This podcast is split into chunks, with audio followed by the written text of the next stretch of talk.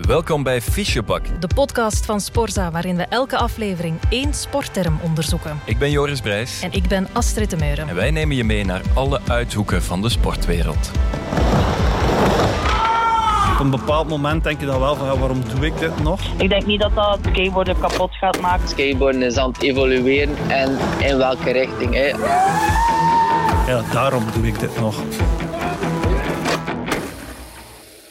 Vandaag in Fischebak, de Ollie. Skaters bekijken de wereld op een uh, compleet andere manier dan de meeste mensen. Waar, waar iemand die in de stad loopt gewoon een, een bankje ziet om op te rusten, zien wij een, goede spot om een boardslide te doen, uh, om, om, om te oefenen. Een gewone trapleuning wordt voor ons een plek om te grinden. Niet iedereen begrijpt dat even goed, maar ja, op zich trekken we ons daar niet zo heel veel van aan. Wij willen gewoon skaten op die spot, zien wat we daar kunnen, zien wat, uh, wat er lukt en wat niet. Can I kick I kick? Skategeschiedenis wordt niet in een, in een arena of in een stadion geschreven, maar wel op straat.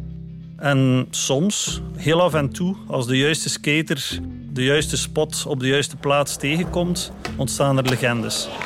Zoals bijvoorbeeld in 2002, toen uh, Ali Boulala de Lyon 25 zag. De Lyon 25 zijn trappen die verstopt liggen tussen een wolkenkrabber en een verhoogde straat in Lyon. Het is een imposante trap van 25 treden dus. Geen leuning, gewoon trappen, skater, skateboard en een gigantisch gat van 4,5 meter diep en 7 meter lang om over te poppen. Een gigantisch obstakel dat schreeuwt om gebroken botten. en je moet echt gek zijn om daaraan te beginnen. Perfect voor Ali Boulala dus. Ali Boulala is op dat moment in Frankrijk om... Uh, ze zijn de Flip Sorry video aan het draaien. Een skatevideo. Hij is 23 jaar en is op dat moment een gevestigde en beruchte waarde in de skatewereld. Hij is echt wel dan al wereldberoemd. Niet alleen door wat hij kan, maar vooral door wie hij is, wat hij durft en zijn torenhoge pijngrens. Anders gezegd, hij durft wel eens ergens afvallen, opnieuw proberen en opnieuw proberen. Hij doet ook tricks die de, die de meesten niet doen. Die de meesten zeggen van oké, uh, de sessie is voor jou, ga je gang, uh, daar begin ik niet aan. Maar de Lyon 25, daar moet je toch iets meer voor hebben dan alleen maar lef. Welkom bij Fischebak. Ik ben Astrid de Meuren en vandaag duiken we in de skatewereld. Want we gaan praten over de Ollie, een term uit het skaten. Bij mij zit Laurent de Rijken, ook wel de peetvader van de Belgische skateboard scene genoemd. Ja, de, de peetvader, allee, dat is een beetje overdreven. Ik, ik, ik zit wel al heel erg lang in de scene. Ik, ik ben begonnen in uh, 1987, toen ik 12 was. Ik wist zelfs niet wat een skateboard was was een vriend van mij op school die zei van ja, moet vanavond eens langskomen, ik heb een skateboard. Ik zei ja, een skateboard, oké. Ik ben daar, ik ken dat niet, maar we zien wel. En ik was eigenlijk op slag verkocht en dat is nooit meer weggegaan. Daar is het voor mij begonnen. Ja. En god, dan kort daarna um, ben ik eigenlijk samen met mijn moeder een skateboardclub gestart in Waregem. Uh, gingen we overal naartoe, waren er parken in Oostende, in Aalst, uh, in Brussel. En, en ja, skateboarden was eigenlijk meteen voor mij vrijheid. En dat is daar altijd blijven uh, synoniem mee, ja. mee, zijn. Altijd. Uh, dus nu zijn we ja, um, heel, wat verder, heel wat verder. Um, en ik, ik skate nog altijd. Ik word deze maand 45. Ik skate niet meer zoveel als vroeger. Maar ik ben mij ook gaan um, bezighouden met alles wat erbij komt gaan, gaan praten met steden van ja, jullie willen een park maken, hoe kunnen we dat doen? Uh, ik ben ook regelmatig jury bij wedstrijden. Okay. Ik heb jarenlang voor een uh, hoofdredactie gedaan voor een skatemagazine. En ik heb eigenlijk ook heel veel geluk dat mijn neefje, die nu 12 wordt, uh, zoals de meeste jonge hasjes nu ook aan het skaten zijn. Dus dat is een extra motivatie om ja. op die plank te blijven staan. Hij heeft ook de smaak te pakken. Hoeveel botten heb je al gebroken, Laurent? Dat valt goed mee. Um, ik heb vooral heel veel last gehad aan mijn enkels. Ik heb tussen mijn 18 en mijn 22 was er een periode waarop vrienden van mij vroegen van ja, skate je eigenlijk nog? En dat was ja, gevrijsbanden van de rechtervoet kapot, drie maanden wachten, Goh. terug dol enthousiast beginnen, overcompenseren, gevrijsbanden van de linkervoet kapot. En dat heb ik echt zo'n jaar en een half gehad. En ja, op een bepaald moment denk je dan wel van ja, waarom doe ik dit nog? Maar de eerste goede sessie die je weer hebt, waar alles weer lukt en waar het weer even plezant is, zeg je van ja, oké. Dan ben je terug vertrokken. Ja, daarom doe ik dit Ja. nog. Ik- hoor je ook zeggen van dat je nu nog vaak in, in jury's zit. Ja. Eh, een beetje eigen stoef mag gerust. Je hebt zelf waarschijnlijk ook ongetwijfeld aan veel wedstrijden deelgenomen. Eigenlijk niet. Nee? Nee. Ik was niet slecht, maar ik was ook niet goed. ja, wedstrijden... Ik heb zo'n paar keer meegedaan, maar dan eigenlijk meer voor het plezier. Ja. En vooral omdat we zeker in die periode vonden dat het wedstrijdaspect... Eigenlijk inter- interesseerde ons dat niet. Het ging ons niet om de competitie. Eerder de levensstijl. Ja, en het, en het samen zijn en dingen ontdekken. En eh, weten dat als je naar Spanje gaat en je skateboardschoenen aan hebt, dat je daar iemand anders tegenkomt met dat merk van schoenen en je duizend procent zeker bent dat dat ook een skater is. En dat je daar de wereld op die juiste manier volgens het skaten leert kennen. En dat was eigenlijk echt een toegang naar de wereld. Zijn dat dan nog altijd de fans? Eh fans zijn het al heel lang, maar toen waren dat eh, Airwalks onder andere Oh, die dan later wel gigantisch uitverkocht zijn, maar ook fans. En eh, ja, in het begin waren er niet zo heel veel merken. Nu is er wel een overvloed aan die dingen. We gaan even terug naar jouw verhaal, hè, dat je daarnet deed over die Ali Boulala. Mhm. Eh, hij staat dus daar voor die enorme trap in Lyon en hij denkt bij zichzelf, "Wauw, moet lukken, daar kan ik best wel van afspringen met mijn skateboard. Dan moet je een beetje coco zijn. Dat was en is, allee, nu iets minder, eh, maar Ali Boulala was in, in die tijd echt ja, een, een berucht figuur. Het ging over meer dan skateboarden, het ging over feesten, het ging over echt de grenzen gaan aftasten. En hij staat daar en, en ik weet, onder andere door de context van die video, hij had echt een kater van hier tot Ginter, onder andere ook. En op dat moment denk je dan van ja, oké, goed, eh, dan doe ik de trap wel even. Ja. Hij doet een ollie. En een ollie is een sprong met je skateboard, mag ik het zo zeggen? Eh, ja, daar komt het op neer. Een ollie is springen met het skateboard aan je voeten zonder dat je het eigenlijk vastneemt. Dus het, voor de mensen die het skateboarden niet kennen, ook meestal het, het, het meest magische aspect van skaten. Van, ja, ze trappen daar gewoon op en ze gaan de lucht in. Ja, het is de magie van skaten en, en ook de belangrijkste truc. Eh, de ollie is eigenlijk de basis van al de trucjes dat je doet met je skateboard. Dus dat wil zeggen omhoog gaan. Dus je wielen van de grond krijgen, je boord meekrijgen de lucht in. Een beetje eh, gelijk het, eh, ehm, het vliegtuig dat in, in de lucht gaat. En dat is eigenlijk de, de truc dat je onder de knie moet krijgen om dan verder te gaan eh, naar een kickflip, naar een boardslide, naar van trappen springen. Je hoorde de stem van ehm Evelien Bouillard. Mijn naam is Boejaert Evelien, ik ben 30 jaar en ik geef eigenlijk skatelessen, skatekampen en ik ben zelf professioneel skateboarder. Ik skate eh, al ongeveer 20 jaar, ik ben rond mijn 10, 11 jaar begonnen. Eigenlijk was ik eh, aan het rolschaatsen in de gemeente Aalter. Er was daar op zich niet zoveel te beleven, totdat ze daar ineens een skatepark aan het bouwen waren. En ik eigenlijk iedereen met een plank met wieletjes eh, ineens zag rondrijden. En ik wou dat ook. En zo ben ik begonnen en ben ik nooit gestopt. Ja, ze is nooit gestopt en ze heeft, ze heeft er ook echt haar beroep van gemaakt. Evelien heeft echt ja, een grote carrière gemaakt in het skaten. Zeker in het vrouwenskaten en, en van haar generatie. Ik spendeer mijn meeste van mijn vrije tijd op mijn plank. Eh, mijn, werk spendeer ik ook op mijn plank om de passie mee te delen aan eh, jongere generaties of zelf, ja, zelf oudere mensen die nog altijd willen beginnen skateboarden. Evelien is ook nog altijd een vaste waarde in de, in de skatewereld. Ze was ook betrokken bij, bij veel wedstrijden vorig jaar, bijvoorbeeld in de organisatie. En ze is ehm, zeker op het vlak van vrouwenskaten de pionier in België, absoluut. En ook in Europa. En daar een stukje ervoor, dus zoals ik zei, in- haar generatie echt op, op wereldniveau. Want dat was toen eigenlijk vrij zeldzaam. Ja. Dus zij is wel de ideale persoon om een paar van die dingen uit te leggen. Ja, top. Want het lijkt me wel dat er behoorlijk wat over te vertellen valt. Ja, het is heel technisch, het is ook heel gevoelsmatig. ehm, maar misschien moeten we eerst eens kijken hoe een, hoe een skateboard eigenlijk in elkaar zit. Het is een plank op wielen, maar het is toch ook wel, ook wel wat meer dan dat. Een skateboard ziet er zo uit dat aan de bovenkant van je plank ehm, heb je eigenlijk een soort van schuurpapier. Dat noemen wij de griptape. De grip, het zwarte gedeelte, en dat is zo ja, schuurpapierachtig. Dat is de beste en makkelijkste vergelijking. En dat zorgt ervoor dat je, ehm, meer controle kan uitoefenen op je plank. De dingen kan doen die je wil doen. Nee, met, met, met, met meer grip.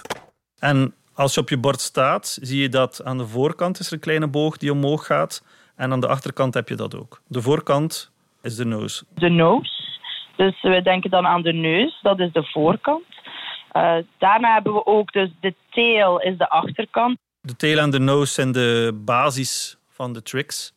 We hebben het nu vandaag over de ollie. Maar je Mhm. hebt bijvoorbeeld ook de nollie.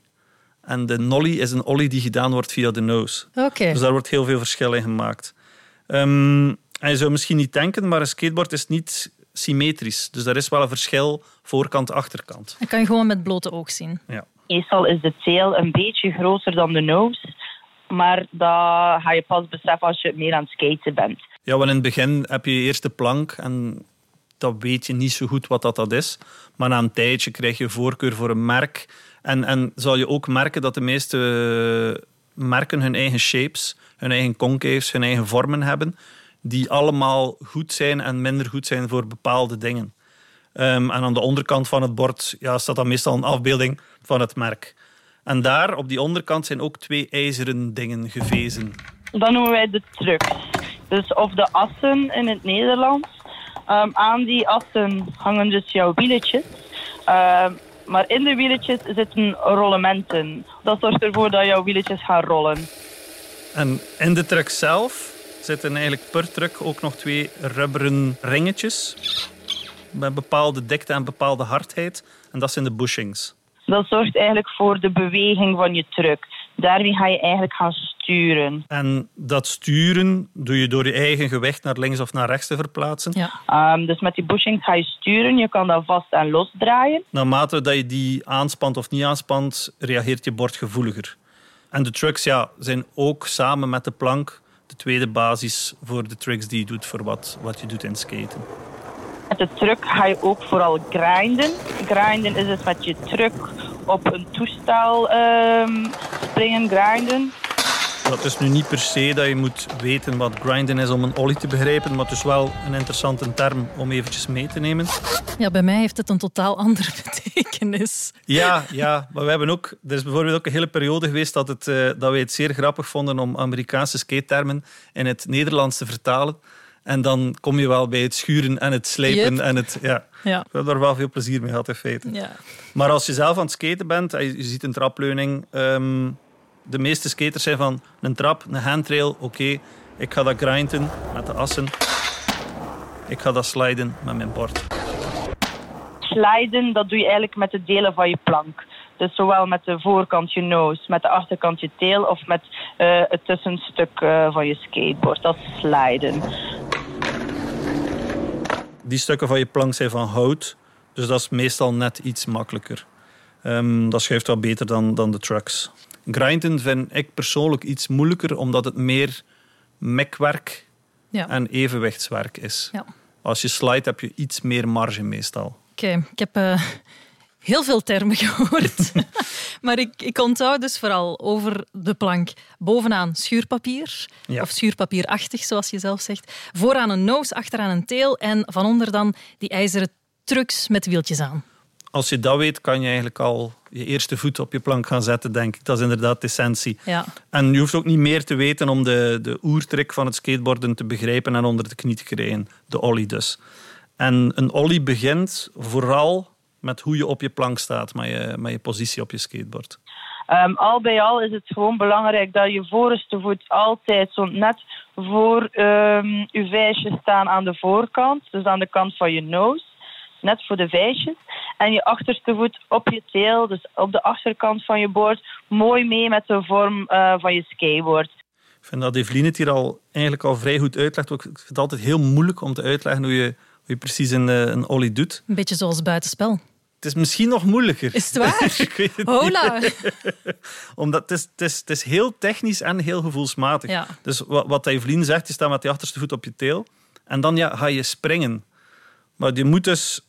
Je achterste been is het belangrijkste, want daar komt de kracht uit. Je gebruikt je achterste been als hefboom, waardoor dat de rest van de plank omhoog gaat, bijna als een soort raket. Eh, heel belangrijk is dat natuurlijk dat je zelf springt. Ehm waar je kan de beweging onder de knie hebben, maar jezelf niet springen, dan ga je bord ook niet, omhoog gaan. Dus je moet eigenlijk heel veel kracht op, op je achterste been zetten, zodat de achterkant van je bord op de grond terechtkomt. Maar tegelijkertijd ga je je voorste voet naar de voorkant van je boord slepen, zodat je eigenlijk het effect creëert dat je in de lucht gaat. Aha, dus nog eens. Dus je staat op je bord, knieën lichtjes gebogen, heel belangrijk. Want er zijn heel veel beginnelingen die, Dan ga je in lok staan. ja, Dus heel ja. veel beginnelingen die stokstijf op een plank staan. Je moet eigenlijk echt soepel en op je gemak staan. Je voorste voet staat voorbij het midden van je plank. Je achterste voet staat op de teel. En dan maak je die springbeweging. Dus je zakt door je benen. Je stuurt de kracht naar de teel. Als die teel de grond raakt, heb je dat hefboomeffect. Wordt je bord de lucht in gecatapulteerd en ga je omhoog. En de grote kunst is om op dat moment perfect mee te gaan met je plank. Dus om te weten van oké, mijn plank gaat zo mee, ik spring mee, ik trek mijn voorste been net iets meer in, ik laat mijn achterste been achterkomen. Even op pauze, zie waar dat we zijn. Ja, Je hangt in de lucht. Je voorste been is hoger opgetrokken dan je achterste been. Je bord hangt onder je. En als je die katapultbeweging goed hebt uitgevoerd, zijn alle wielen van de grond. Ben je airborne. ja. De eerste keer dat je dat meemaakt, allee, zijn de meeste over the moon. Maar je bord hangt op dat moment natuurlijk nog niet volledig horizontaal in de lucht. Nee. Dus om een ollie correct uit te voeren, moet je natuurlijk een manier vinden om je bord uit te levelen. En je moet die achterste wieltjes meekrijgen met de voorste wieltjes. Dus je bord moet eigenlijk perfect Horizontaal. horizontaal plat in de lucht hangen. Oké, ik ben mee. Ja. We gaan verder. Je hangt in de lucht. En nu is het aan de voorste voet om dus de ollie af te maken. De voorste voet schuift eigenlijk naar voren, richting de nose. En door je grip krijg je ook de controle. Trek je je bord mee totdat het horizontaal in de lucht hangt. Oké. Ik denk dat ik het snap. Dus met je achterste voet schiet je je plank schuin de lucht in. Explosiviteit is hier van belang, lijkt Ja. mij. En door je voorste voet daarna naar voren te slepen over de plank, gaat die dan horizontaal recht in de lucht hangen. Ja, die explosiviteit is ook interessant dat je dat zegt, want dat, ehm, de hoogte van ollies hangt meestal recht evenredig samen met de leeftijd van de skater. Ah, echt? Ja, Bij jou is het al een pak lager nu. een pak lager. hè. Een pak Ik wil lager. je niet beledigen, hè, Nee. Laurent? Maar... Nee, maar dus dat, dat, dat klopt, die explosiviteit, de, de, de beweging zoals jij ze nu in je hoofd ziet. En als je daarna nog kan landen Ja. en gewoon netjes doorrijden en heel tevreden zijn, dan heb je een ollie gedaan. Proficiat. High five. Ja, dat is de basis van alle tricks eigenlijk. Hè. Want als je die niet kan, ja, dan ga je niet omhoog gaan en dan ga je ook niet je andere tricks kunnen leren op een rail, op trappen. Dat is gewoon de belangrijkste trick om verder progressie te maken. Ja, beginnen bij het begin. Eerste punt op de agenda van elke beginnende skater is die ollie. Ja, dat, dat is gewoon zo. En, en telkens als er, als er nieuwe skaters mij komen vragen van... Ja, leer mij een keer iets. Dan zeg ik gewoon van... Je weet wat een ollie is? Ja, dat denk ik wel. Ik zeg oké, ik zeg dan duur vandaag duizend. En morgen nog. En de dag daarna nog eens. En dan zal het wel beginnen gaan. Dat is frustrerend. Dus je moet eerst je ollie kunnen om andere dingen te kunnen leren. En als Axel Kruisbergs het zelf al zegt... Moet het wel zo zijn, denk ik. Mijn naam is Axel Kruisbergs. Ik ben 25 jaar en mijn beroep is eh, skateboarder. Ja, dat is echt zijn beroep. En hij is heel vroeg begonnen. Ik denk dat ik hem ook de eerste keer gezien heb toen hij acht was. Zo vroeg. Ja. Dus eh, dat is al redelijk lang, denk ik. En ook de eerste keer dat ik hem zag, was het gewoon duidelijk dat hij verkocht was. Skaten zou zijn leven worden, absoluut. Vanaf dat ik mijn ogen open doe in de ochtends, dan denk ik direct, ah ja, skaten. En het laatste dat ik doe s'avonds is denken aan skaten. Ik weet niet, dat is iedere dag. Ik weet niet, dat is gewoon iets dat ik altijd wil doen. Ook al nu is dat mijn job. Maar eh, ja, eigenlijk weet ik niet. Er is nog niks veranderd met de eerste keer dat ik op dat skateboard stond. Dus nog niks veranderd, zegt hij, maar er is wel veel veranderd. Hij kan, allee, Axel kan heel veel. Ehm, heeft een fantastische stijl, heeft een fantastische consistentie. Als je Axel ziet rijden in, in een binnenpark of in een buitenpark, gaan de meeste mensen gewoon zitten en kijken. Echt? Ja, Ja, het, is, het is gewoon een plezier om hem, eh, om hem bezig te zien. Hij woont ondertussen ook in L.A. En heeft, zich wel, heeft wel eh, een naam gemaakt voor zichzelf. Is ook pro op Toy Machine, heeft zijn eigen bord. En is ook samen met Lizzie Armanto een van de bekendste vrouwelijke skaters. Dus hij is goed bezig, denk ik. Aha, Ehm, ja, redelijk. bescheiden. Maar hij is natuurlijk begonnen zoals iedereen. Hè. eh, de ollie leren. Hè. En als je klein bent, is dat niet evident. Ik probeerde altijd te ollieën. Maar dat echt moeilijk, want ik was ook nog super klein. Dus dat is niet zo makkelijk om die plank echt eh, in de lucht te, te krijgen. Maar ehm, dus om echt te weten dat ik van de grond, eh dat ik echt in de lucht ging, eh, had iemand zo een, eh, een borstelstaart, eh, dus de stok van de borstel. We hadden die gewoon op straat gelegd. En eh, dan probeerde ik altijd erover te ollieën. En vanaf dat die borstel begon mee te rollen onder mijn wielen, wist ik dat ik niet in de lucht was gegaan. En dat was enorm frustrerend. Maar dus na, ja, ik weet niet, dat, is, echt- dat heeft echt lang geduurd. Maar na veel proberen is dat plots lukte ik, allee, kon ik echt over die borstelstaart ollieën. Ehm, en ik was daar heel blij mee. Maar ja, zo'n borstelstaart, dat is misschien 1 centimeter eh, hoog of zo. Dus ja, dat is eh, best wel grappig. Hoe lang dat, dat duurde om daarover te geraken eigenlijk. Maar vanaf dat ik dat kon, dan is alles redelijk snel eh, geëvolueerd eigenlijk. Je Ja. moet ergens beginnen, hè. Je moet ergens beginnen. En, en ik herinner mij ook echt nog de eerste keren dat, dat we Axel zagen in het skatepark. Was, ja, dat is echt zo'n klein, klein gastje, echt waar. In het begin was zijn plank eigenlijk niet zoveel kleiner dan hij zelf. Dus ja, dat is dan nog super moeilijk. Maar hij was echt wel een natuurtalent. Toen, dat- toen dat ik eh 12 jaar of zo was, skate ik ook voor Flip. Skatemerk Flip, dat toen echt wel een zeer groot merk was. En wie skate er voor Flip op dat moment? Ali Boulala. Absoluut, ja. Ali Boulala, die een zot, die even in Lyon van 25 trappen ging ollien. En het coole was, dus konden wij, was ik op tour en zo met Ali Boulala, dus dat was super cool. En Ali Boulala was vooral bekend om, ja, die probeerde de zotste dingen dan al, hè, 2002 en zo. En die, die had ooit geprobeerd om zo, in Lyon is er eh, 25 trapper. Dus ja, moet eens, moet eens ergens de trappen tellen en tot dan 25 komen.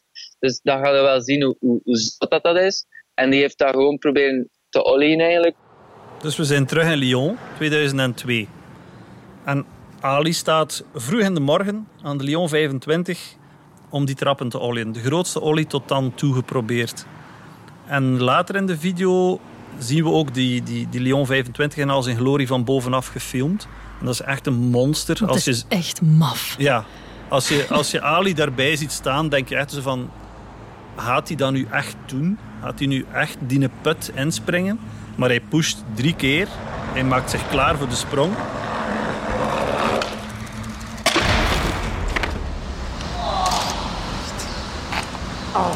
My ass. This is so much pain. My bust, my elbow, everything just went. Ai, ai, ai, ai. Garme. Ja, maar eigenlijk, eigenlijk verloopt het niet zo slecht. Want je ziet hem aanrijden, je ziet hem... Hij heeft zijn snelheid, hij, hij, hij popt zoals je moet poppen van trappen. Hij is ook niet bang. Die kater zal wel geholpen hebben. Ehm, maar als je ziet hoe hij daar boven hangt en hoe, klein hij is boven die trappen en, en dan toch nog ziet van... Eigenlijk heeft hij het onder controle, misschien lukt het wel. En je ziet ook dat hij er gaat geraken, dat hij zelfs nog een klein beetje over heeft, dus wat dat perfect is. Maar je moet natuurlijk nog landen en, en die, die impact is echt enorm. Die impact is, is, ja, is gewoon te groot. It was, that was just probably the gnarliest impact I've ever taken. En, en zijn, zijn bord breekt op dat moment in twee. The board exploded. And my ass, too. En hij schuift wat verder over de grond, over verschillende lichaamsdelen. Niet zo fijn. It's too much impact. But it's still makeable, though. Hij blijft positief. Ja, hij blijft positief. Hij, hij, hij probeert zelfs nog twee keer. Okay, well, that was one attempt. If we chill for a bit and I could try it again. Wat op zich al zot is, want als je weet, je bent daar die eerste keer van gesprongen en je weet de impact, je weet hoeveel pijn dat dat doet. Maar ja, dat is ook eigen aan skaten. Je, je bent er dan aan begonnen en, en Je denkt van, ja, misschien lukt het wel. Hij was ook nog een beetje verdoofd, hè? Van, denk, eh, ja, hè? denk het wel. Maar, Die maar, kater. maar ik denk dat hij na die eerste impact wel wakker was. Hoor. Dat kan ook wel zijn, ja. maar hij, hij heeft op. Het is hem dus niet gelukt. Hem is het op dat moment niet gelukt. Nee, hem is het op dat moment niet gelukt. Maar belangrijkste van, van die beelden zijn eigenlijk... Hij heeft wel het, het, het zaadje geplant voor mogelijkheden. Ja, En dat was eigenlijk het, het, ja, het meest interessante daaraan. de aanzet is gegeven. Ja. At least I fucking tried it. I really went for it there. had hij het dan niet geland. Hè? Maar dus gewoon het feit dat hij dat al probeerde, was echt zo... Daar zag je al van, wauw, skateboarden is, eh, is aan het evolueren. En in welke richting. Hè? Altijd groter, groter. Hè? Dus eh, ja, dat was echt wel zot. zoals ik in het begin ook zei, skaten ontstaat op de straat. En de, de legendes van die heeft dat gedaan, die heeft dat gedaan, daar. Iedereen kent die ook en weet die ook. Wij, wij gaan naar een bepaalde stad of naar een bepaalde plek om naar die trappen te gaan kijken. Andere manier van reizen. Ja, ons, onze manier van toerisme. Ehm, en, en dus de grote, de grote momenten gebeuren op straat. Nu recenter iets meer in, in, in stadions en zo, maar de geschiedenis schrijft zich toch daar. En worden ook meestal opgenomen in skatevideo's. Sorry, waar ik het eerder over had, die, die film van Flip. En in zo'n film heb je een first part. En meestal is dat van een skater die al een tijdje bij is en die eh, nog een part krijgt of die op dat moment de beste part heeft. En de last part is eigenlijk altijd de belangrijkste skatepart van de video. Er wordt altijd uitgekeken naar wie zal de last part hebben. En hier was dat Ali. En eigenlijk is dat raar, want zeker als je dan zijn last trick ziet, Het is niet gelukt. het is niet gelukt, maar opnieuw, het, het geeft de mogelijkheden. En, en het, het zette het hoofd van de skaters op, op, op dat moment Ja, weer verder open. Het onderstreepte het belang. Ja, ja. En, en ook het, het feit dat Flip gezegd heeft van oké, het was uw last trick en je hebt hem niet geland, maar we gaan dat toch gebruiken als last trick, Ja. was ook wel een statement van hen eigenlijk. Dus die film komt uit, maar als je dan ja, de gekke zweet Boulala ziet, van die trap ja, vliegen, zweven, fladderen, het bevestigt zijn status en het, het, het vestigt ook de status van die trappen. Die trappen zijn vanaf dat moment een skatespot die overal gekend is. Ja, de skaters van over de hele wereld die haasten zich naar Lyon om die trap als eerste te overwinnen. Dat zou je denken, maar de meeste skaters beseffen dat 25 trappen gewoon verschrikkelijk veel is en verschrikkelijk ver. Ik dacht dat we op dat moment, ja, dat het maximum ergens rond de 16 zat of zo. 16 of 18 trappen. Ja, dan is het wel een Ja. grote sprong naar 25. Ja. ja, letterlijk, letterlijk en figuurlijk was het een heel grote sprong. En alleen na Boulala duurt het nog wel een hele tijd voor er iemand opnieuw op het idee komt eh, om de trappen te doen. En dan zitten we in, eh, in Amerika opnieuw eh, bij Aaron Homoki. Voor, die skate voor Birdhouse, het merk van Tony Hawk. Maar Aaron is beter gekend als Jaws, eerder dan als Aaron Homoki. Jaws die staat vooral bekend om eigenlijk van die grote eh, dingen te springen. Hè. Dat is zo zijn, eh, zijn, zijn vak. Hè. Die, die doet dat altijd. Ja, hij heeft, wat, wat ik zou zeggen, spaghetti benen. Ehm, hij heeft, ik denk, zo iets aan zijn spieren waardoor dat het super flexibel is. Er komen regelmatig nog nieuwe filmpjes uit van Jaws. En, en dat van die spaghettibenen klopt. Hè. Je, je kan hem ergens van zien springen. Eh, het eerste waar ik aan denk is van een dak. Only God me, right here. Jug, jug.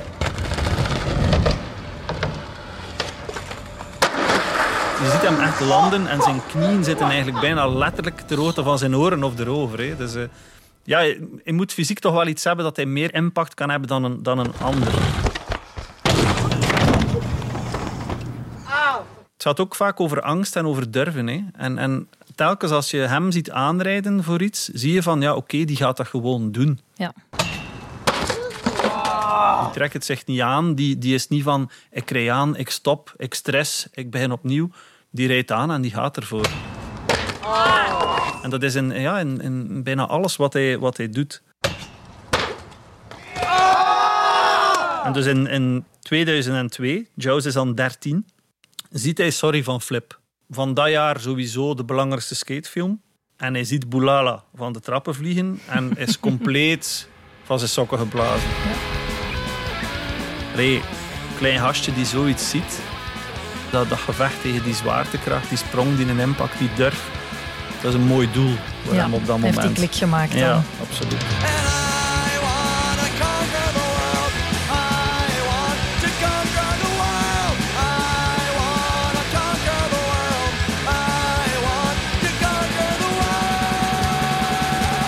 Jaws heeft dus zijn doel gesteld. Hij heeft een ijzeren wel, iets minder ijzeren benen, spaghettibenen, als perfecte schoktempers.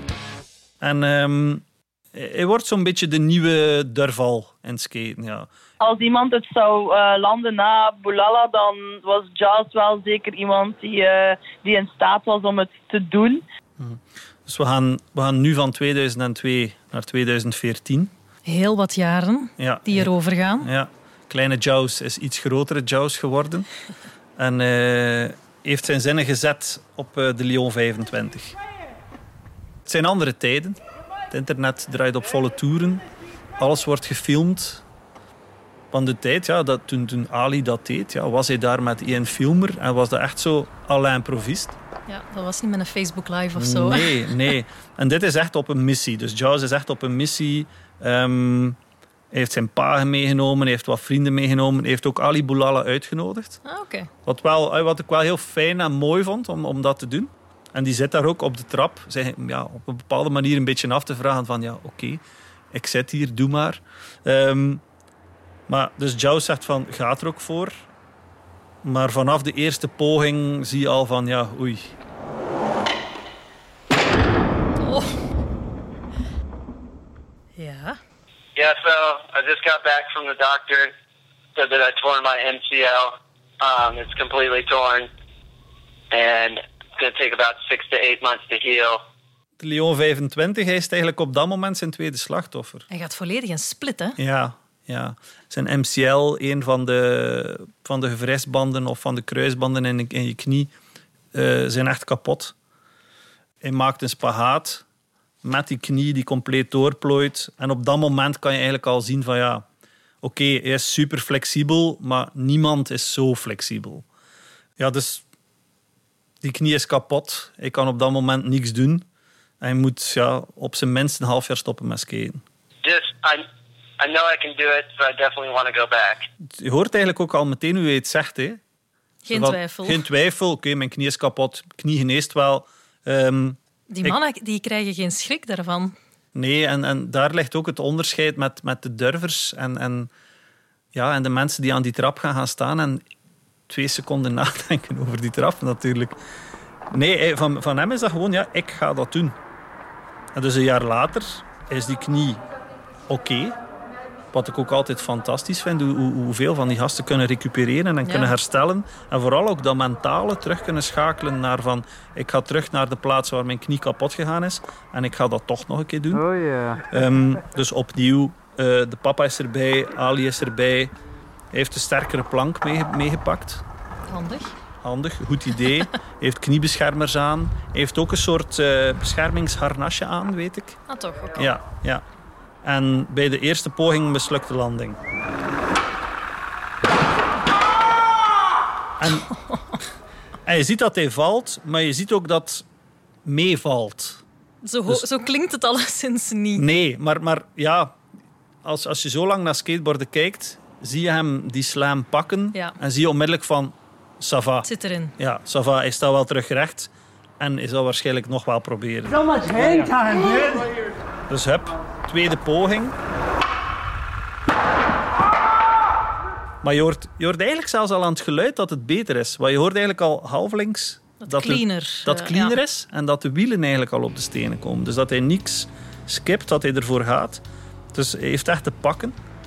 Maar ondertussen het zeer gekende fenomeen bij skateboarden op straat. Een eh, bewaker komt naar buiten. Ja, en het is gedaan op dat moment. Mais là, appelez-les alors. Appelez-les. Il il peut pas s'arrêter. Il pourra pas s'arrêter. Je vous, je vous Et on y embête. va. Je vous embête. Je sais, monsieur, on veut pas vous S'il embêter. vous plaît, s'il vous plaît, sortez de là gentiment et c'est terminé. Ja, dat is, dat is ja, de typische nuisances waar je mee te maken krijgt als streetskater. Wij zien een bank om op te skaten, maar ja, iemand die een, een gebouw moet bewaken, ziet vandalisme. ziet vandalisme. Terwijl dat op een trap eigenlijk alleen vandalisme aan jezelf is. Hè. Je maakt voor de rest maakt je niks kapot. Zwaar. Maar dus goed, ja, de sessie van die dag is gedaan. eh, en ze moeten naar het hotel waar ze bekijken ja, hoe, hoe- ze het toch nog gedaan kunnen krijgen. Ja, ze zijn daar nu in Lyon, ze zijn daar nu in Frankrijk. Eh het is echt een hele onderneming. Dus ze willen het echt wel doen.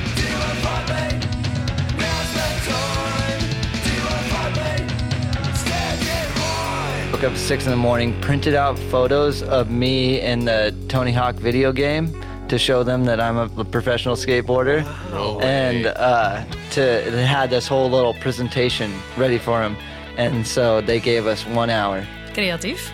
Creatief, ja, zo zijn we wel. Altijd. En als je natuurlijk over de Hanse wereld, eh, als er één skater gekend is, is het wel Tony Hawk. Ja, ik vind het straf dat we tot nu toe gezwegen hebben over Tony Hawk. Ja, ja. Maar ja, Jaws zit ook wel skate voor Birdhouse. En dat is ook het merk, eh, het merk van Tony Hawk. Dus ik kan ook wel zeggen, ik ken Tony Hawk. Daar komt het eigenlijk op neer. en, en, en als je dat verkocht krijgt aan, aan dat gebouw... eh, ja, zo heeft hij dus een uur gekregen. Wat ik eigenlijk toch ook een beetje triestig vind. Allee, ze van, hou, hebt een uur. Ja. Smijt u maar kapot, maar zie dat lukt in dat uur. Dus ja, ik kan niet anders dan ervoor gaan. Hij heeft zich volledig.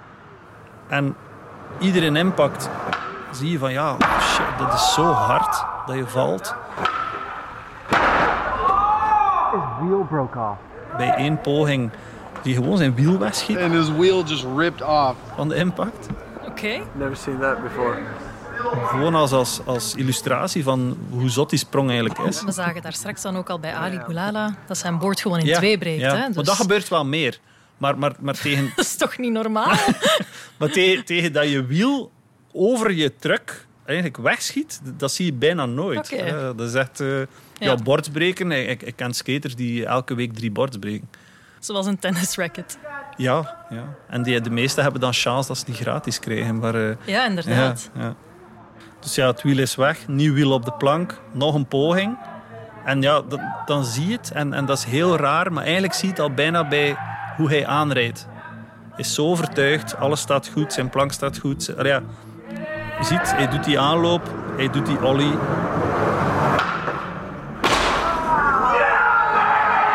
En hij landt.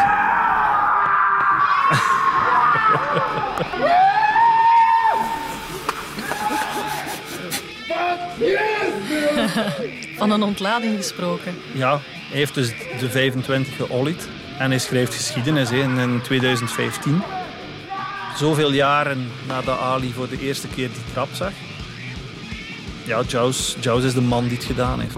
Hij en zijn vader omhelzen en groot drama, wat natuurlijk moet als de media erbij is. Maar ze zijn, allee, hij is natuurlijk absoluut content en, en, en het is met champagne, alles erop en eraan. Ja. Tony Hawk belde hem van, gast, hebt dat gewoon gedaan, hoe zot is dat? Dus ja, dat is, dat is de, de mooiste euforie van skaten en opnieuw een grens die verlegd is. Now I can go to the people that told me, like, dude, you're fucking crazy. It's not possible.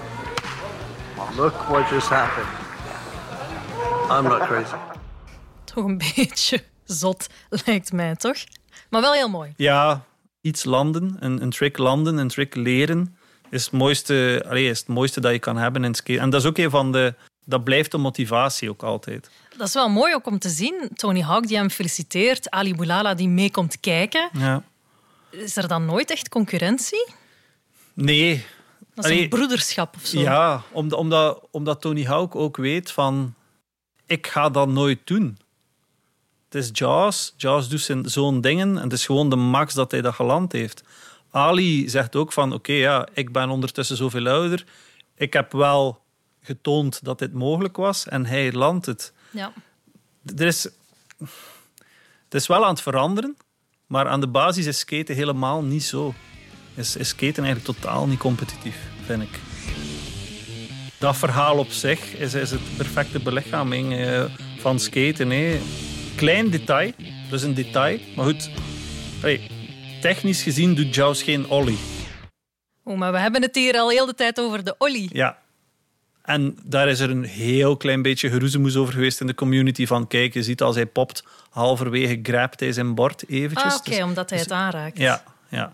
Dus pure ollie is het niet. Maar ja, hij heeft wel van die 25 gesprongen, wat niemand anders ooit gedaan heeft. En het Ja. blijft, blijft een ollie met een grab, maar het is geen pure, zuivere ollie, dat je niks aanraakt. Maar Het wordt door de vingers gezien. ja, het wordt door de vingers gezien, omdat het gewoon ook zo indrukwekkend en zo, ja. Dus de community zegt van, oké, ja, het is een monster gap, je hebt dat gedaan. Ja, het is mega zot. Het heeft het nog niemand gedaan en hij doet het. En het schone daaraan is ook, die, die Lyon 25, dat blijft verder gaan. Ehm, begin dit jaar, toen we allemaal binnen zaten, ehm, was er Aurélien Giraud. Dat is een nieuw talent, die ondertussen ook pro is voor een Amerikaans merk. Ik denk dat eigenlijk de 20ste of begin van de 20ste maart of zo ehm, is hij ook naar daar gegaan, naar de Lyon 25. Maar dus eigenlijk opnieuw op de oldschool manier. Hij en eh, een, vriend van hem die filmde. En heeft ook, eh, ik denk, twee of drie of vier keer gepopt. En eigenlijk bij de eerste keer dat hij probeert, had hij hem bijna. Maar hij breekt ook zijn bord. En hij breekt ook het volgende bord. En hij breekt ook het derde bord. Dus, Lang eh, leven de sponsors. ja, maar ik denk wel dat dat verhaal nog vervolgd wordt. Iedereen bouwt verder op wat een ander gedaan heeft. Iedereen weet, die heeft daar dat gedaan. De, de terminologie daarvoor bij veel spots is van... ehm, ah, je moet daar geen ollie doen, want dat is ABD. Dat is already been done. Oh, oké. Ja.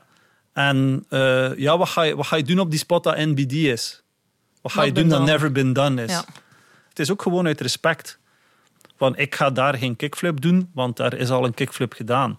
Maar tot op de dag van vandaag staat de Lyon 25 wel gekend als... Ja, daar is nog niks anders gedaan. Ja, nee, dat je daar nog altijd die zuivere olie kan doen. Eigenlijk dat, wel. Dat dat nog niet gebeurd is. Eigenlijk wel, ja. De NBD. ja.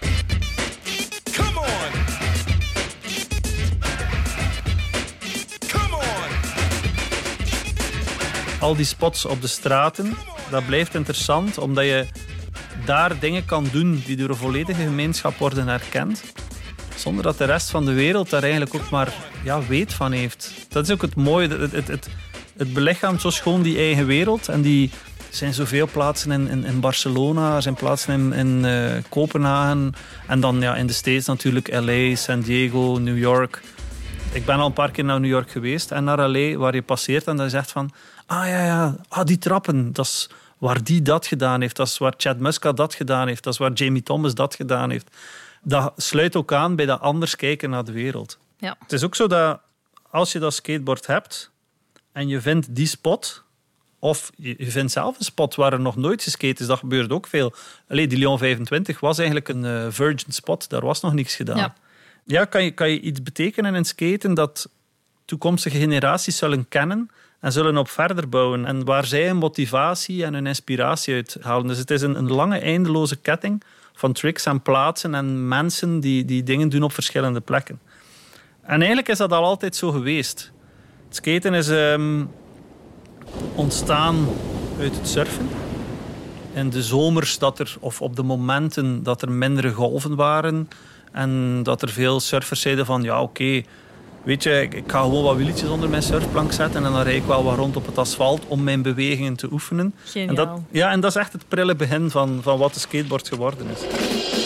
Grab your board and go sidewalk surfing with me.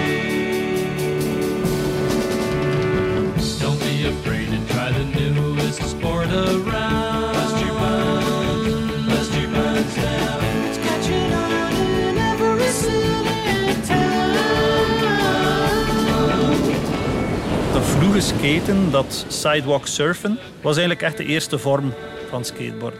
We weten niet precies wie er echt mee begonnen is. We gaan uit van een aantal verschillende mensen op verschillende plaatsen aan de, aan de westkust, Californië en zo. Maar in de jaren 50 begint het in elk geval. Dus er zijn, er zijn surfers die van hun surfplank een skateboard in zijn allereerste vorm maken. Die eerste skaters die gingen gewoon zo straat naar beneden. En als je kijkt naar surfen, die doen zo van die ja, scherpe turns en zo. Dus die draaien allemaal cool. En die, die eerste skaters, dus dat waren surfers, die deden dat op straat. En dat is eigenlijk sidewalk surfing. You can do the tricks the surfers do. Just try a Quasimodo or the coffin too. Why don't you grab your board and go sidewalk surfing with me? Wat skaten op dat moment was, was een imitatie van, van surfen. Hè. Het was niet meer dan dat. Het was over het asfalt rijden alsof je een goede golf pakte en zo stijlvol mogelijk die, die draai nemen. En ja, je blijft gewoon op de grond. Er, er komen eigenlijk nog niet zo echt trucjes of zo. Cruisen. Ja, het is cruisen. Het, is, het ziet er wel goed uit. En het is een mooi alternatief voor als er een keer... eh, there's bad surf today, als er niks te doen is. Maar het moet zijn dat wel aanslaat. Want, want, want je ziet meer en meer in verschillende kuststeden... zie je dat het de kop opsteekt. Zie je ook dat er surfmerken zijn die zeggen van... Tja, als we nu eens een, iets kleinere surfplank maken... en we steken daar een wieltje onder... is dat misschien wel leuk als, als gadget of zo. Maar er ontstaat vrij vlug een, een, een eigen community rond. Die ook zegt van ja, wij zijn niet meer per se surfers, wij zijn sidewalk surfers.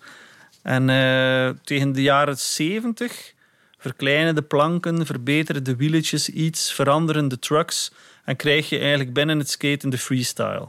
gaat die sidewalk surfers, dan is dat geëvalueerd in mensen die begonnen echt trucjes te doen op het skateboard. Maar dat was meestal gewoon stilstaand of die gingen niet echt super snel en die deden allemaal ja, trucken dat nu niet meer zoveel gedaan worden eigenlijk.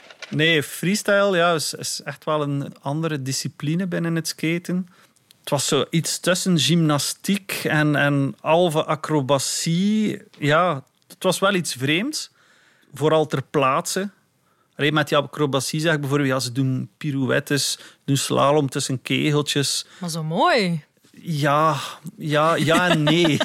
Ik zie het jou niet meteen doen. Nee, maar let op, als je begint met skaten, komen sommige van die dingen natuurlijk er ook wel in. Maar Ja. laat het toch zo zeggen dat het niet zo lang blijft boeien. Ja. En gelukkig zijn er firma's en zijn er merken die bezig blijven met ja, wat is dat skateboard en dat blijft toch wel draaien.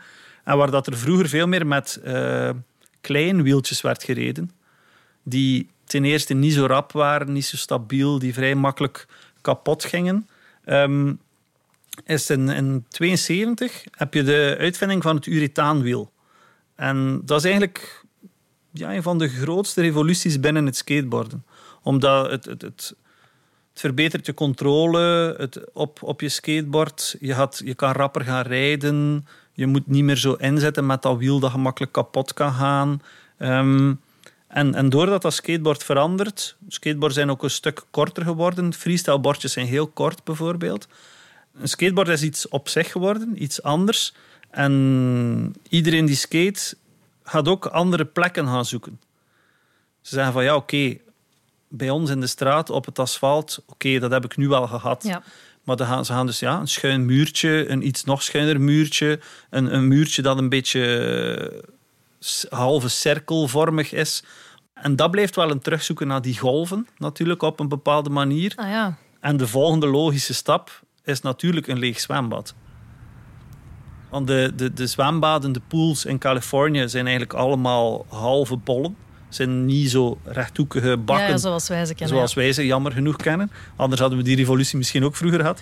maar er zijn dus zeer warme zomers waar het water schaars is en waar zwembaden leeg staan. Of waar huizen leeg staan met nog een leeg zwembad bij. Ja. En die plekken worden gevonden. En er wordt ook gevonden van, tja, dat gaat precies eigenlijk ook wel. En zo ontstaat er een nieuwe vorm van, van skaten in feite. En daaruit zijn er anderen die zeggen van, tja, ja, een zwembad, zo moeilijk is dat nu ook niet om dat achter te maken. Als wij nu drie of vier verschillende zwembaden achtermaken, we zetten daar hekken om en we vragen daar inkomen voor, dan hebben we een Zijn we skate- vertrokken. Zijn we vertrokken en hebben we een skatepark.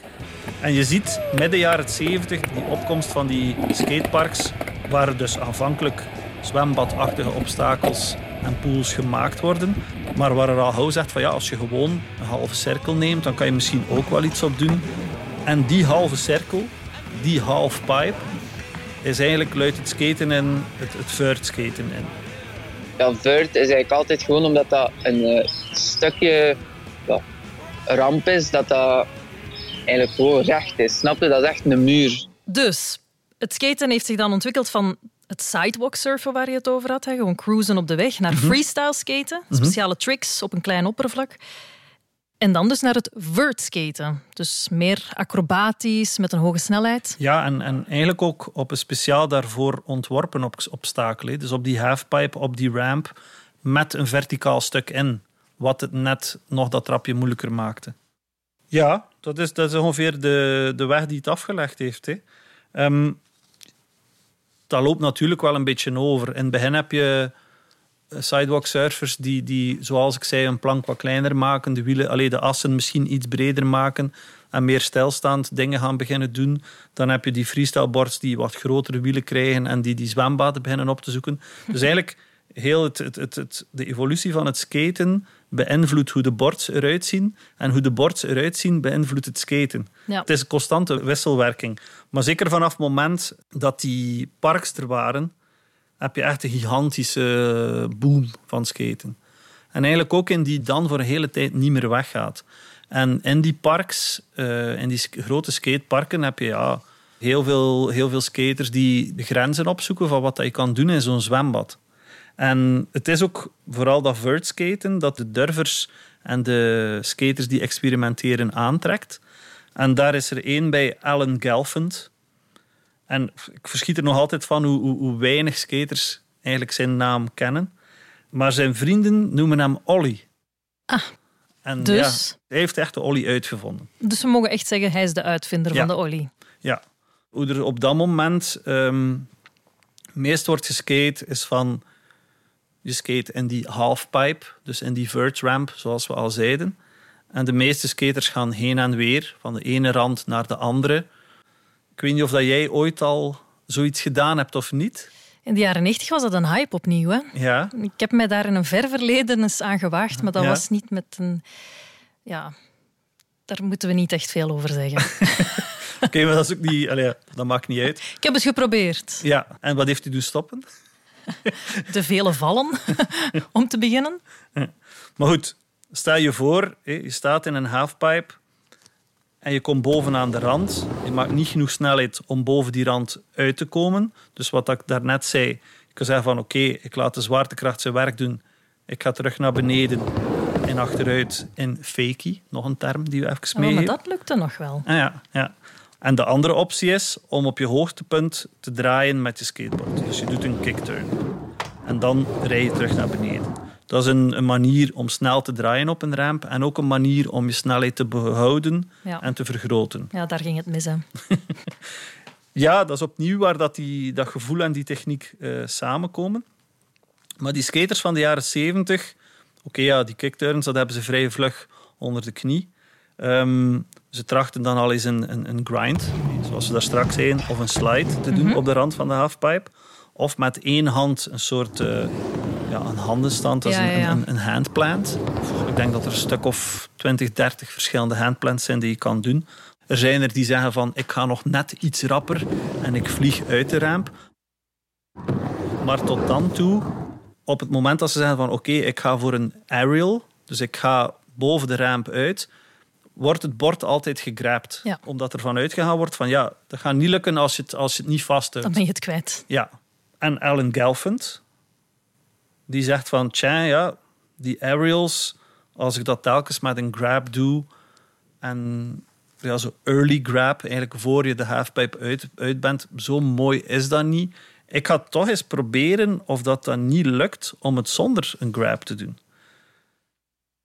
Is bezig met zijn sessie, is klaar om een aerial te doen. En op het moment dat hij in de lucht vliegt, maakt hij eigenlijk een halve draai, zoals je een kickturn zou doen, maar zonder nog contact te hebben met de halfpipe. En met zijn achterste voet schept hij een klein beetje om wat van de rand weg te komen en, en eigenlijk bijna instinctief aanvoelen te zijn van als ik dat doe, dan land ik wel mooi terug in, in de halfpipe. Ja, en, en, en heb ik iets gedaan wat eigenlijk nog nooit gedaan is. En de anderen zien hem, zien hem dat proberen en zeggen van, maar Ollie, what are you doing? Eh, Bij manier van spreken. En, en ja, dus dat was de eerste no-hands aerial. En dus eigenlijk ook de eerste Ollie uit een halfpipe. Gelukkig hebben ze het niet de Alley of de Gelfie genoemd. Had ook kunnen. Had ook gekund, maar, maar ja, dus die, die Ollie Pop, is het op dat moment nog noemen, omdat hij toch een klein beetje ook dat, dat hefboomsysteem gebruikt. Ja. Maar dus het is bij Ollie gebleven. Ja, maar dus Ellen is wel degene die ontdekt heeft ehm, dat je skateboard wel degelijk aan je voeten kan blijven plakken Tenminste, toch als je dan de juiste techniek eh, vindt. Ja, absoluut. Straf, maar om eerlijk te zijn, klinkt wel niet echt zoals de Ollie, zoals eh Evelien hem daar straks heeft eh, beschreven. Nee, nee het, is, het is anders. Hè. Het is, ja, je bent op zich al bezig in, in, in transition, dus in die, in die boogvorm. Dus een, een ollie in transition is zeker anders dan een ollie op flat, dan gewoon een ollie op straat. Maar het is wel de basis. Opnieuw, zoals Boulala het idee gegeven heeft van die 25 trappen, dat zal wel Ja. gaan, heeft Gelfand eigenlijk aan van we kunnen dat doen zonder onze handen te gebruiken. Dus hij plant, hij plant dat zaadje. En vanaf dan was het opnieuw aan de skategemeenschap om, om daar verder op te bouwen. En eigenlijk duurt dat niet lang, want al die, die aan, aaneenschakeling van kleine revolutietjes worden opgemerkt. En in datzelfde jaar is er een dan elfjarig jongetje in Florida die zijn eerste skateboard krijgt. Hij skate een tijdje en hij, en hij, hij hoort van hé, die Olipop dat bestaat. Dat zit op dat moment al in zijn hoofd. En dat gaat echt mee bepalen hoe dat jongetje verder zal skaten. En zijn ja, fenomenale invloed eh, op skaten in het algemeen, wat, wat die zal zijn. En die jongen heet Rodney Mullen. Moest Rodney Mullen niet geskate hebben, zou het skateboarden helemaal anders eruit gezien hebben, denk ik. Ja, in plaats van gewoon rondrijden op zijn skateboard, begon hij echt zo eh, trucjes te doen. En ja, niemand had dat ooit gezien of wist dat dat mogelijk was. Je kan echt wel zeggen dat, dat Rodney Mullen de, de Beethoven van het skateboarden is. Ja, dat is echt, zijn, zijn invloed is echt zo groot. Ja, vanaf de ja- eind jaren 70, begin jaren 80 heeft hij, door de manier waarop dat hij skate, eigenlijk alles van het skaten zoals we nu kennen beïnvloed. En dat was raar, want Rodney Mullen was een freestyler. Die zeker tegen het eind van de jaren 70 was dat niet zo hip meer als het ooit hip is geweest. het is bovendien ook best een rare vogel, Rodney Mullen. Dat zijn ze precies wel allemaal een beetje, hè? Ja, ja eigenlijk wel. Dat heb je maar, ervoor nodig, ja. Maar hij is toch nog, toch nog een niveau hoger, hoor. Maar hij is daar dus zodanig echt obsessief mee bezig, dat wat, wat, wat hij echt uitvindt uit het niets, allemaal dingen, en dat, is, dat gaat niet over één of over twee tricks die hij uitvindt, dat gaat echt over 30, 40, 50 dingen die hij uitvindt, die nog nooit gedaan zijn. Dus hij legt daar echt de basis van het moderne skaten. En, en iedereen ziet hem nog altijd als een van de belangrijkste skaters ooit. What's up? It's Tony Hawk, and, and this guy right here is the godfather of all modern skateboarding tricks. This is Rodney Mullen. Rodney Mullen is, is tien jaar. Als hij met zijn eh, oudere zus en met wat vrienden iemand op een skateboard over de straat ziet cruisen. En hij is onmiddellijk verkocht, eigenlijk. En na wat aandringen bij zijn vader krijgt hij ook een plank. En vanaf dat moment begint die eindeloze obsessie. En hij staat eigenlijk meer op zijn skateboard dan dat hij niet op, niet op zijn skateboard staat. En hij groeit eigenlijk vrij eh, geïsoleerd op van de rest van de wereld. Maar hij vindt dat niet erg. Hij, het is op zich het is sowieso een loner. En heeft zijn wereld gevonden in dat skateboard. En hij, hij oefent constant nieuwe tricks op de flatground vlakbij zijn huis. Echt op het obsessieve af. Negen of meer uren per dag. En dat levert ook echt op. I started skating when I was about 10 years old in 1977. And when I did, I picked up pretty quickly. It wasn't until 79 I won my first amateur championship. And then by 81, I was 14 and I won my first world championship. Op dat moment is hij een, eh, een freestyle skater. Die met kop en schouders boven de rest uitsteekt.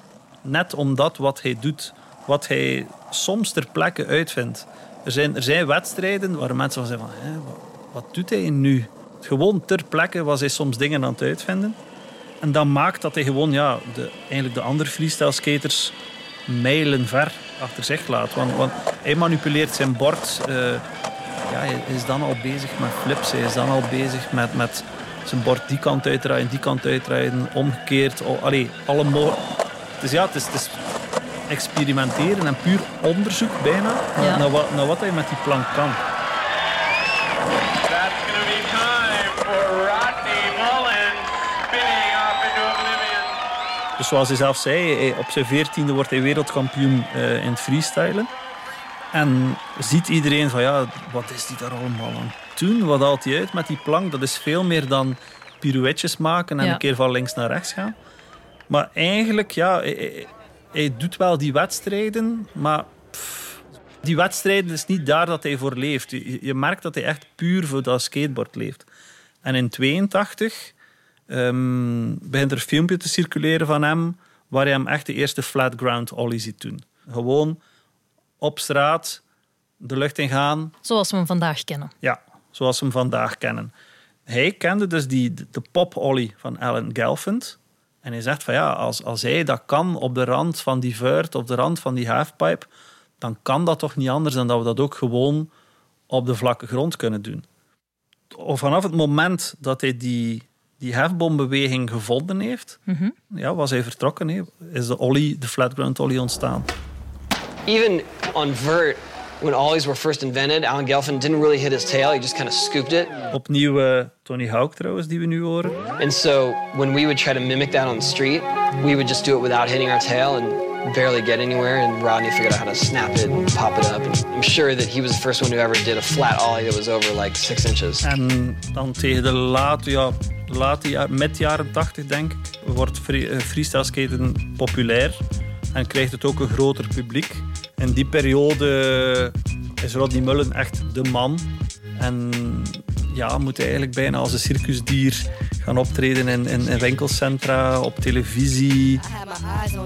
Dus er valt wel degelijk wel geld mee te verdienen dan. Ja, het is, het is op dat moment zeer groot. Zeer, ik denk zeker zo 3 tot 86 is het in Amerika echt gigantisch. En, en is Rodney Mullen een beetje tegen wil en dank eigenlijk een, een, een ster, een grote ster. Ja, want hij wou het niet, hè? Niet per se, nee. Tonight, he's here on our stage to demonstrate some of his truly incredible skateboarding skills. So please welcome skateboarder extraordinaire Rodney Mullen. Echt een circusartiest. Ja, ja en, en het, het, het rare is, op, op, in die periode wordt, wordt, worden skaters ook zo opgevoerd. Van, kijk eens hoe fenomenaal. En, en, en, ja, en dat is ook een gemeenschap die dat op dat moment totaal niet gewend is. Dus dat is wel raar. En ja, dan zitten we 86, 87. Ik ben begonnen in 87. En ja, na drie jaar is dat eigenlijk compleet op zijn gat gevallen. Te laat geboren. Ja, onder andere. Ja, te laat en, en ben nooit te laat of te vroeg geboren, denk ik. maar dus in, in, vanaf 1990 en in België dan misschien net iets later, 192, is dat echt is skaten dood gewoon. De mainstream is erop uitgekeken. Ze hebben gezien wat dat eruit komt. En ja, freestyle skaten sterft nog een, een vluggere dood, want dat was al iets een beetje precair in skateboarden. De skateparken verdwijnen onder hopen zand. Er worden parken opgebouwd, worden shoppingmalls opgebouwd. Dus ja, het was moeilijk om te skaten in die periode. Wat ik wel straf vind, want in mijn herinnering, de jaren 90, dat is de periode van de grunge en dat gaat voor mij hand in hand met skaten. Tot 394. Ja, 93, 94. En daarna zijn er echt drie, vier jaar geweest waar er gewoon niks was. Ik zei het in het begin, wij hadden toen een, een skateboardclub in Waregem. Ehm, waar wij in acht en, ne- allee, van 88 tot 92 dat er soms 40, 50 man was. Waren we toen met vier of met vijf. Garme. Ja, maar tegelijkertijd was dat ook wel leuk, omdat je, je doet het graag en je blijft het doen en je zoekt toch weer nieuwe manieren. En skateboarden is zich toen echt gaan, ver- gaan verplaatsen. Want de skateparks waren er niet meer. Dus wat doe je? Je gaat gaan kijken op de straat. Je ziet daar een trap, je ziet daar een schuin muurtje. Ja, en, en, en het is ook leuk, omdat je kan ook gewoon rondhangen op straat. En je hebt een argument om daar te zijn. Allee, wij hadden toch vooral dat argument. Streetskaten is eigenlijk gewoon echt street, straat. Dus eh, gewoon op straat skaten, op alles dat je tegenkomt. Ehm, dus het is niet gemaakt om op te skateboarden, maar ja, dus in, op straat zijn er zoveel dingen die perfect zijn om te skateboarden. Dus eh, dat is street skateboarden. Eigenlijk een beetje het skaten zoals we het vandaag kennen. Ja, of zoals Rodney Mullen zegt. In fact, when someone tells you they're a skater today, they pretty much mean a street skater. Dus tegen het midden van de jaren 90, ik denk ja, vooral zo vanaf midden 94, 95, is skaten eigenlijk gewoon weg uit de mainstream. Doordat degenen die nog skaten veel meer op straat zitten en rondhangen, krijgt het eigenlijk ook echt een beetje een, een bad vibe, krijgt het een beetje een slecht imago. Ja, freestyle was, was netjes, hè. Was, was proper en was binnen, Mooi, mooi binnen een bepaalde vierkante meters. We maakten ook niks kapot. En, en dat is veranderd in, in, ja, in jonge gasten met gebleekt haar, gekleurd haar, eh, gigantische broeken, schoenen in alle kleuren. Zo herinner ik het mij. voilà, nu zijn we er. Eh, t-shirts en XXXXL. Ja. Ja, en, en dat was een heel bizarre periode in skaten, maar tegelijkertijd was het ook wel een heel interessante eh, periode. Maar voor het grote publiek ja, waren wij natuurlijk gewoon aan het rondhangen op straat en dingen kapot aan het maken. Ja, de oma's zagen jullie niet zo heel graag Ja, afkomen. veel meer dan de oma's. En ja, Rodney Mullen, die tot dan de grote ster was, ja, voor hem is het ook gedaan. Suddenly, it was over for me. That's it. It, it was gone. They took my pro model off the shelf, which was essentially pronouncing you dead publicly. Ja, en freestyle skaten van toen hij super jong was. Hij kende maar dat. Ehm, er blijft enkel nog street skaten over. Een, tot, eh, een totaal onbekend terrein voor hem. Maar toch gaat hij daarvoor. I would go to skate spots, and I was already like famous guy, right? And they, everyone thought I was good. But in this new terrain, I was horrible. so people would go, "Oh, he's all. Oh, what happened to Mullen?" Beetje zielig ook wel, hè? Hij kon gewoon niet meer mee. Ja, hij- hij- hij- terwijl dat skateboarden zo op die vrijheid gesteld is en op dat creatieve en op die openheid, kon hij eigenlijk niet meer mee. hè. Hij paste niet meer in het plaatje. Nee. Het was geen streetskater. Hij kon letterlijk op één vierkante meter skaten. Dus al die andere dingen had hij nooit verkend. Ehm, en hij keek gewoon naar beneden naar zijn plank en deed zijn pirouetten en deed zijn tricks. De ongelooflijke tricks, maar dat zelfs toen de meeste mensen eigenlijk nog niet beseft hadden. Maar hij zegt van, oké ja, ik skate veel te graag om te stoppen. Ja. En dus hij, hij kijkt verder dan zijn skateboard lang is. En hij begint ook de andere mogelijkheden te zien. En het is anders natuurlijk voor hem, hè, want je hebt snelheid nodig. Je moet aanrijden als je naar een, een bank of een curb of, of iets gaat. Maar goed, ook dat vergt oefening, maar hij doet dat. Hij komt wat meer in dat streetskaten terecht en hij ziet van, ja maar ja, iedereen is hier kickflips aan het doen. Iedereen is hier eh, impossibles aan het doen. Iedereen is hier shove-its aan het doen. Dat zijn mijn trucken. Dus waarom zou ik mijn plaats niet vinden in dat skateboard? Ja, voilà. En hij, hij vernieuwde eigenlijk zijn liefde voor het skaten op een compleet nieuw terrein. En ook daar innoveert hij. What drew me to skateboarding, the freedom, was now restored, where I could just create things because that's where the joy was for me. Always was creating new stuff. Dat is echt wie dat hij is. Hè. Onderzoeken van, oké, ik heb hier drie trapjes. Wat kan ik daarop doen? Wat kan ik daaraf doen?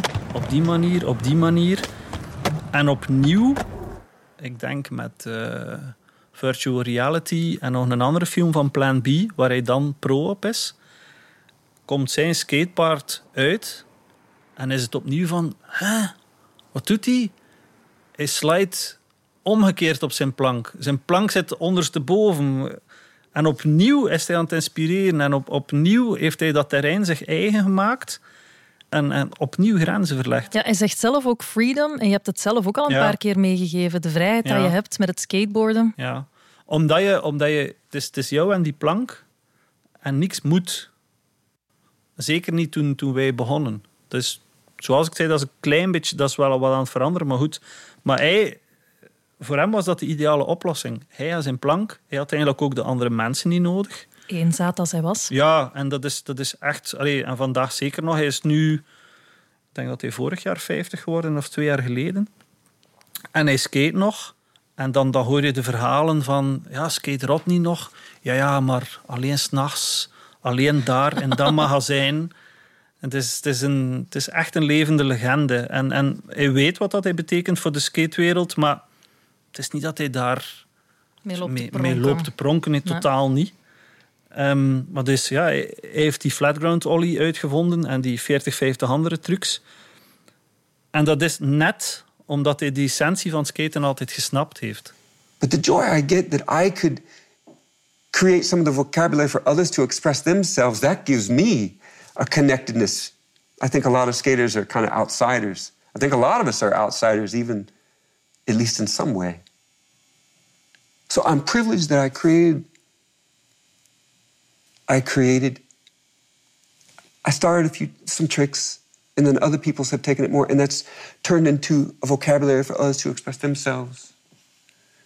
That to me is like a living trophy, because everywhere I look, I see and I feel that.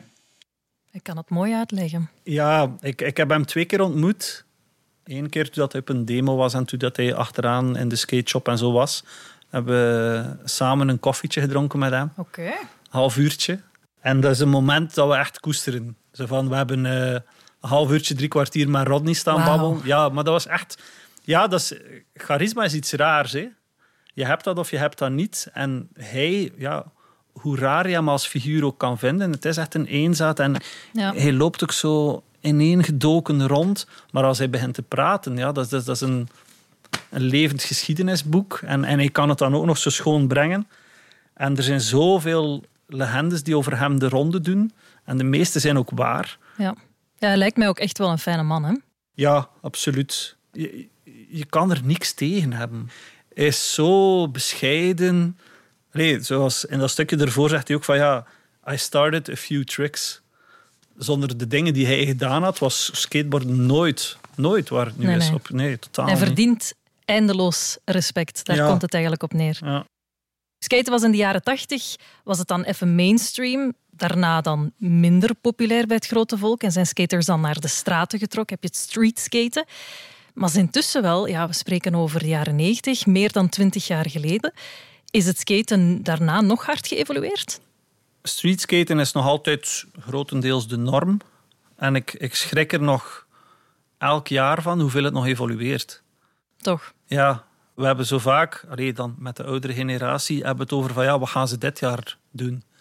En het is, het is een combinatie van verder, hoger, meer kracht, meer tricks die gecombineerd worden in samenwerking met stijl. Allee, waar er vroeger bijvoorbeeld tricks gedaan werden van een handrail naar beneden, zijn er een paar skaters die op een bepaald moment gezegd hebben van tja, ik weet ergens een handrail staan van vier trappen. Als ik genoeg pop, kan ik die handrail ook naar boven doen. Ja. Zo'n dingen. en eh, en het, het blijft echt evolueren. Het is wel in die zin, ja, het is wel meer sport geworden, Ja. denk. We've got 10 of the best in the world out here today. As we said, a completely sold out crowd. They want to see them all put it down.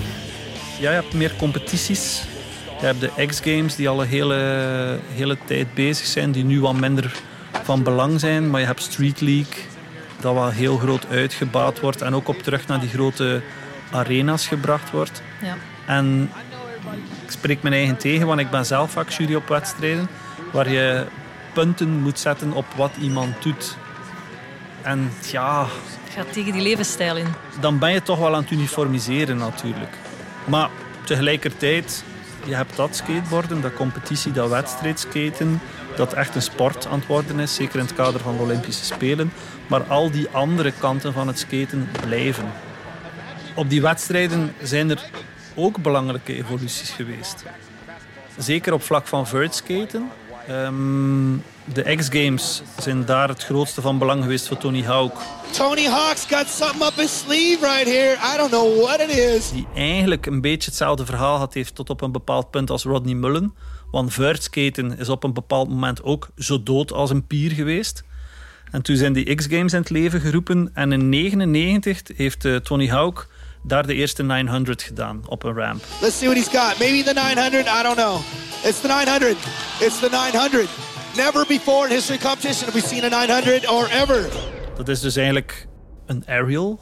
Ja. Het is wel maar een krap, uiteraard. Want anders krijg je nooit die toer rond. En dat is twee keer en een half eh, rond je as draaien. You guys want to see him do it? Come on, San Francisco. Tony Hawk right here making history.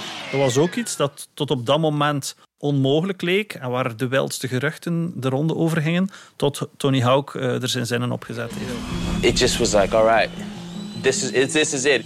Tony Hawk 900. This is it. Do it. Do it. Do Here it. we go. Feel it.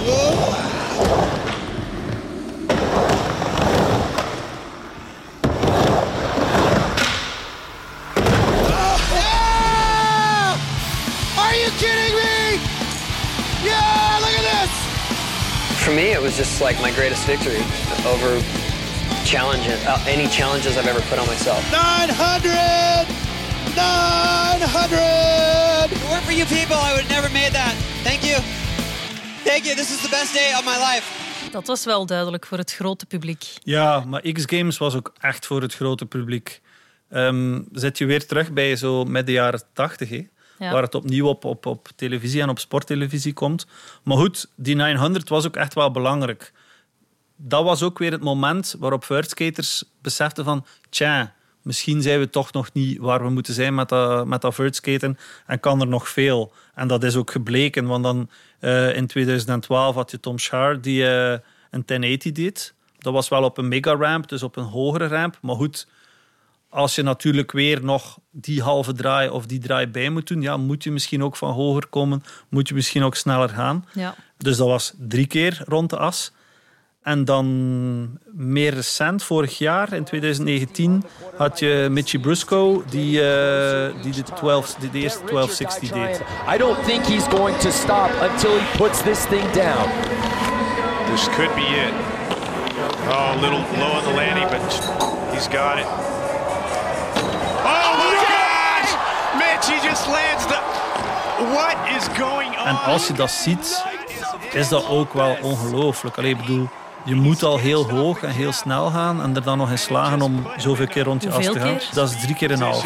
I don't believe what I have seen. Dus ik kan je voorstellen, als je dat aan het trainen bent, moet je af en toe wel... eh, Ja, en, en ze worden ook steeds jonger. Want like, Tom Schaar was eigenlijk echt nog zeer jong. En Mitchie Brusco is eigenlijk ook best nog een jonge gast. Mitchie Brusco goes where no person has gone before. Yeah, Mitchie. A 1260 at the X Games.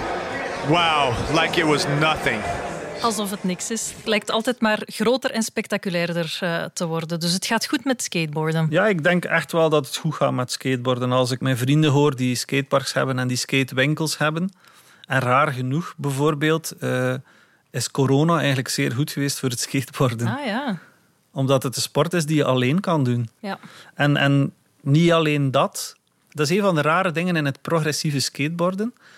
Het is eigenlijk pas de laatste drie, vier jaar dat skateboarden ook echt inclusiever aan het worden is. Het is heel lang een mannensport geweest. En eigenlijk zelfs soms een beetje een macho mannensport. Van ik kan dat en ik durf dat. En ik, ik heb mij nooit op die manier als skater gevoeld. Maar de laatste jaren zijn er ook meer en meer eh, meisjes en vrouwen die aan het skaten zijn. De van vandaag zie je veel meer meisjes en vrouwen op een skateboard. Ja, veel meer skateparken worden gebouwd in verschillende gemeentes. De skateboarders krijgen veel meer respect. Ook omdat ze het niet alleen eh, nog eh, linken aan ah, die vandaliseren hier alles. Die, eh, die maken dingen eigenlijk vooral kapot. Nee, het wordt echt gelinkt aan een sport. Iets waar dat je ook op competitieniveau iets mee kan bereiken. De Olympische Spelen zouden al moeten geweest zijn. Maar nu zal het voor volgend jaar zijn dat skateboarden voor de eerste keer een Olympische discipline zal zijn. Normaal was dat dit jaar en ik, ben, ik, ik was daarvoor gekwalificeerd om naar de Olympische Spelen te gaan voor het skaten. Maar eh, ja, met, die, met corona en zo is dat allemaal eh, wat in het water gevallen. Ehm, dus hopelijk kunnen we dat volgend jaar eh, hervatten en eh, ja, naar Tokio gaan. Normaal gezien kan hij volgend jaar eh, meedoen aan de Olympische Spelen. Dus op zich is dat wel zot. Allee, ja. Kan Axel daar mooie dingen gaan doen? Kan hij daar België goed vertegenwoordigen, denk je? Ik denk dat hij België goed kan vertegenwoordigen.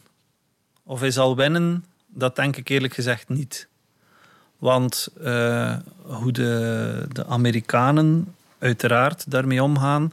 Het is, ja, het is ook een Amerikaanse sport, laat ons wel wezen uiteindelijk.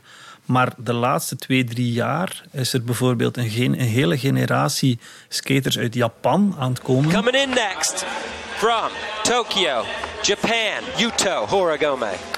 Ja, die wisten natuurlijk dat het een Olympische discipline werd. Dus... Ja, goed. Maar om dan nog op drie, vier jaar op het niveau te geraken dat... Allee, je hebt eh, Yuto uh, Hiroki mee, die, die voor Nike skate. Look at how he did that. Waar de meeste Amerikanen naar staan te kijken van... Ja, oké. And look at how he lands it. De Japanners zijn daar. Just, yep.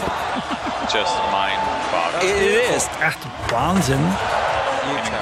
Incredible talent. Dat, dat is het fantastische dat je ook ziet dat zelfs elk land zijn eigen stijl heeft. Zijn eigen, ja, Europese skaters is iets compleet anders dan Amerikaanse skaters. Ik, ik zei het eerder al, Axel heeft een fantastische stijl. Het is een plezier om er naar te kijken.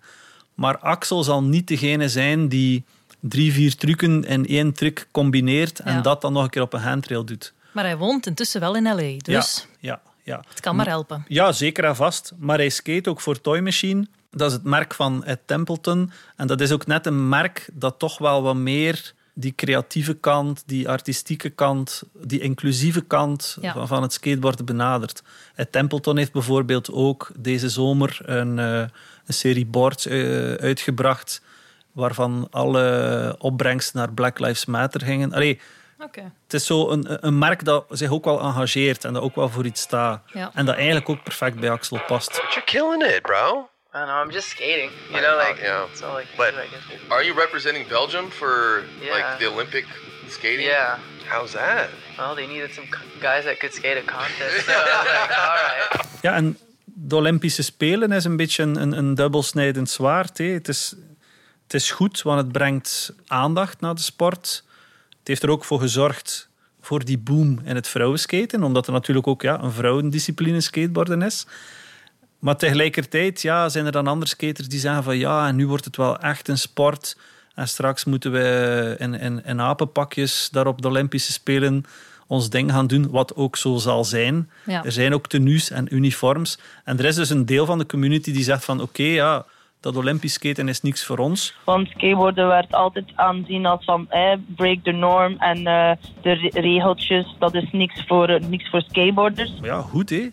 Er zijn andere manieren genoeg om te skaten. In skaten heb je, ja, je hebt twee werelden, zo gezegd. Dus je hebt gewoon op straat en dat is filmen, foto's voor in magazines en zo. En dat is zo het echte, ik noem dat zo het echte werk.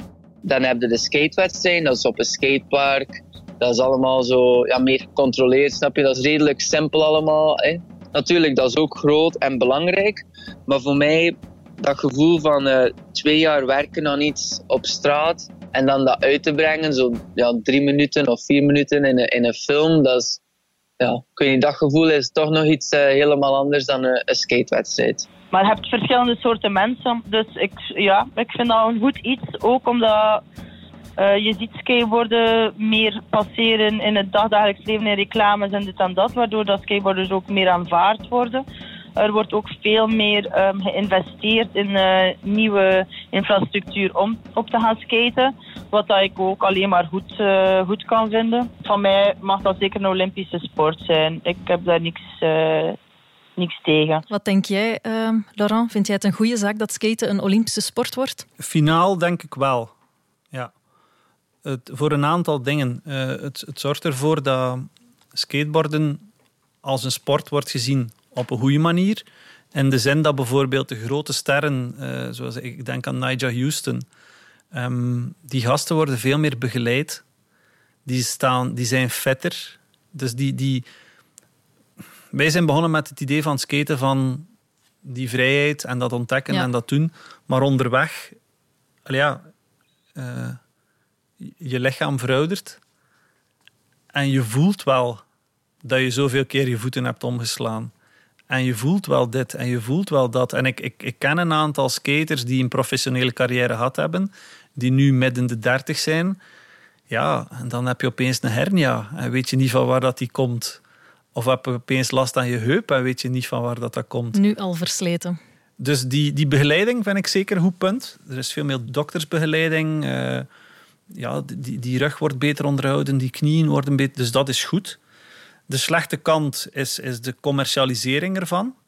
Die tegelijkertijd ook weer een goede kant heeft. Kassa kassa ook wel, hè? Tuurlijk, de skaters worden beter betaald. Ze worden meer gerespecteerd. Ze hebben meer kansen om er een leven lang van te maken. Het mes snijdt aan twee kanten. Absoluut. Absoluut. Eh, er zullen veel die, zijn, die, die zeggen van oh, oh, het is nu een sport en het is nu een sport. Goed, ja, maar dat wil niet zeggen dat jij het dan een sportman bent. Nee. Take Als- a en dan... Ja. ja, als jij al- skate op jouw manier en die, die nieuwe commerciële manier die er is, zorgt er eigenlijk voor dat jij kan blijven verder doen wat dat je al deed. Dus eigenlijk zou je moeten blij zijn.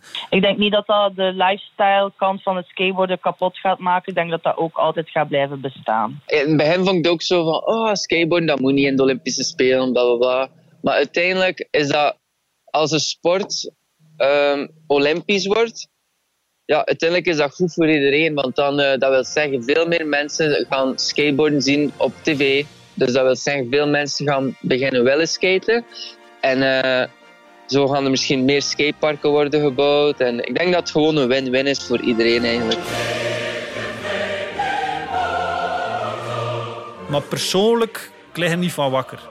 Ga kijken naar de Olympische Spelen. Ik weet het zelfs niet. Maar ja, toch. Als Axel er is, zeker.